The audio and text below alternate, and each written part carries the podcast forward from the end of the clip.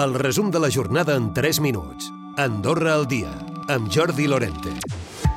Les explicacions del govern sobre l'entrada de l'empresa IFE, que es farà càrrec del servei que fins ara oferia Montmantell, convencen el sector de transport de passatgers.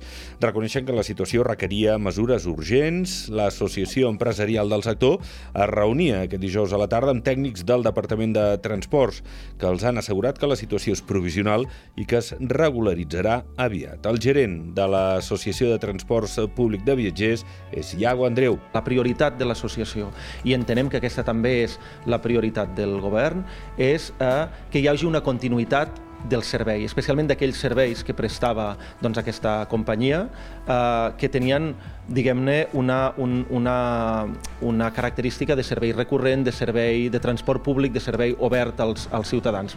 Ladislau Baró assumirà les carteres de Relacions Institucionals i Educació, mentre Esther Molné apunta a quedar-se les de Justícia i Interior.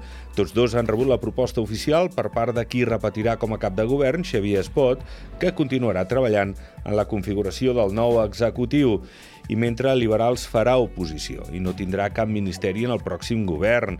El partit liderat per Josep Maria Cabanes se sent dolgut i fins i tot en alguns sectors traït per demòcrates, que no complia el pacte preelectoral.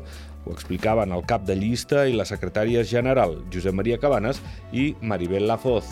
És que no n'hi havia de solucions. O es complia el pacte o no es complia el pacte. Ja no és un tema de... ha sortit, s'han subestat noms... El que no podem admetre és canviar-nos un conseller, que és un, ele un, un elegit del poble, per un càrrec governatiu. Digues-li un, digues-li dos, digues-li tres. A part, que si no ens respecten el pacte, no veiem fins a quin punt l'altre pot tenir garanties de succeir. Un cop aprovada l'entrada dels psicòlegs a la cartera de serveis, s'ultima la fase fins a l'entrada en vigor al mes de setembre, concretament el dia 17, una mica més tard del previst.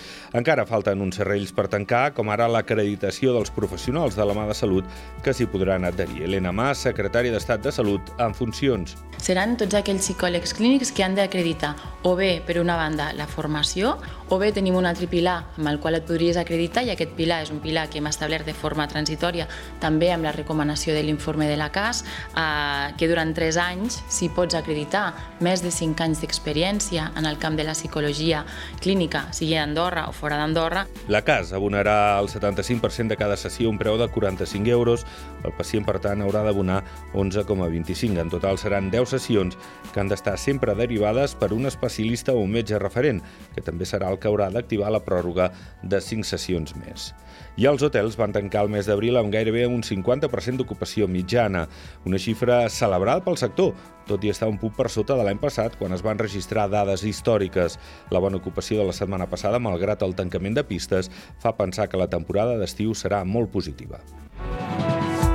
Recupera el resum de la jornada cada dia a AndorraDifusió.d i a les plataformes de podcast.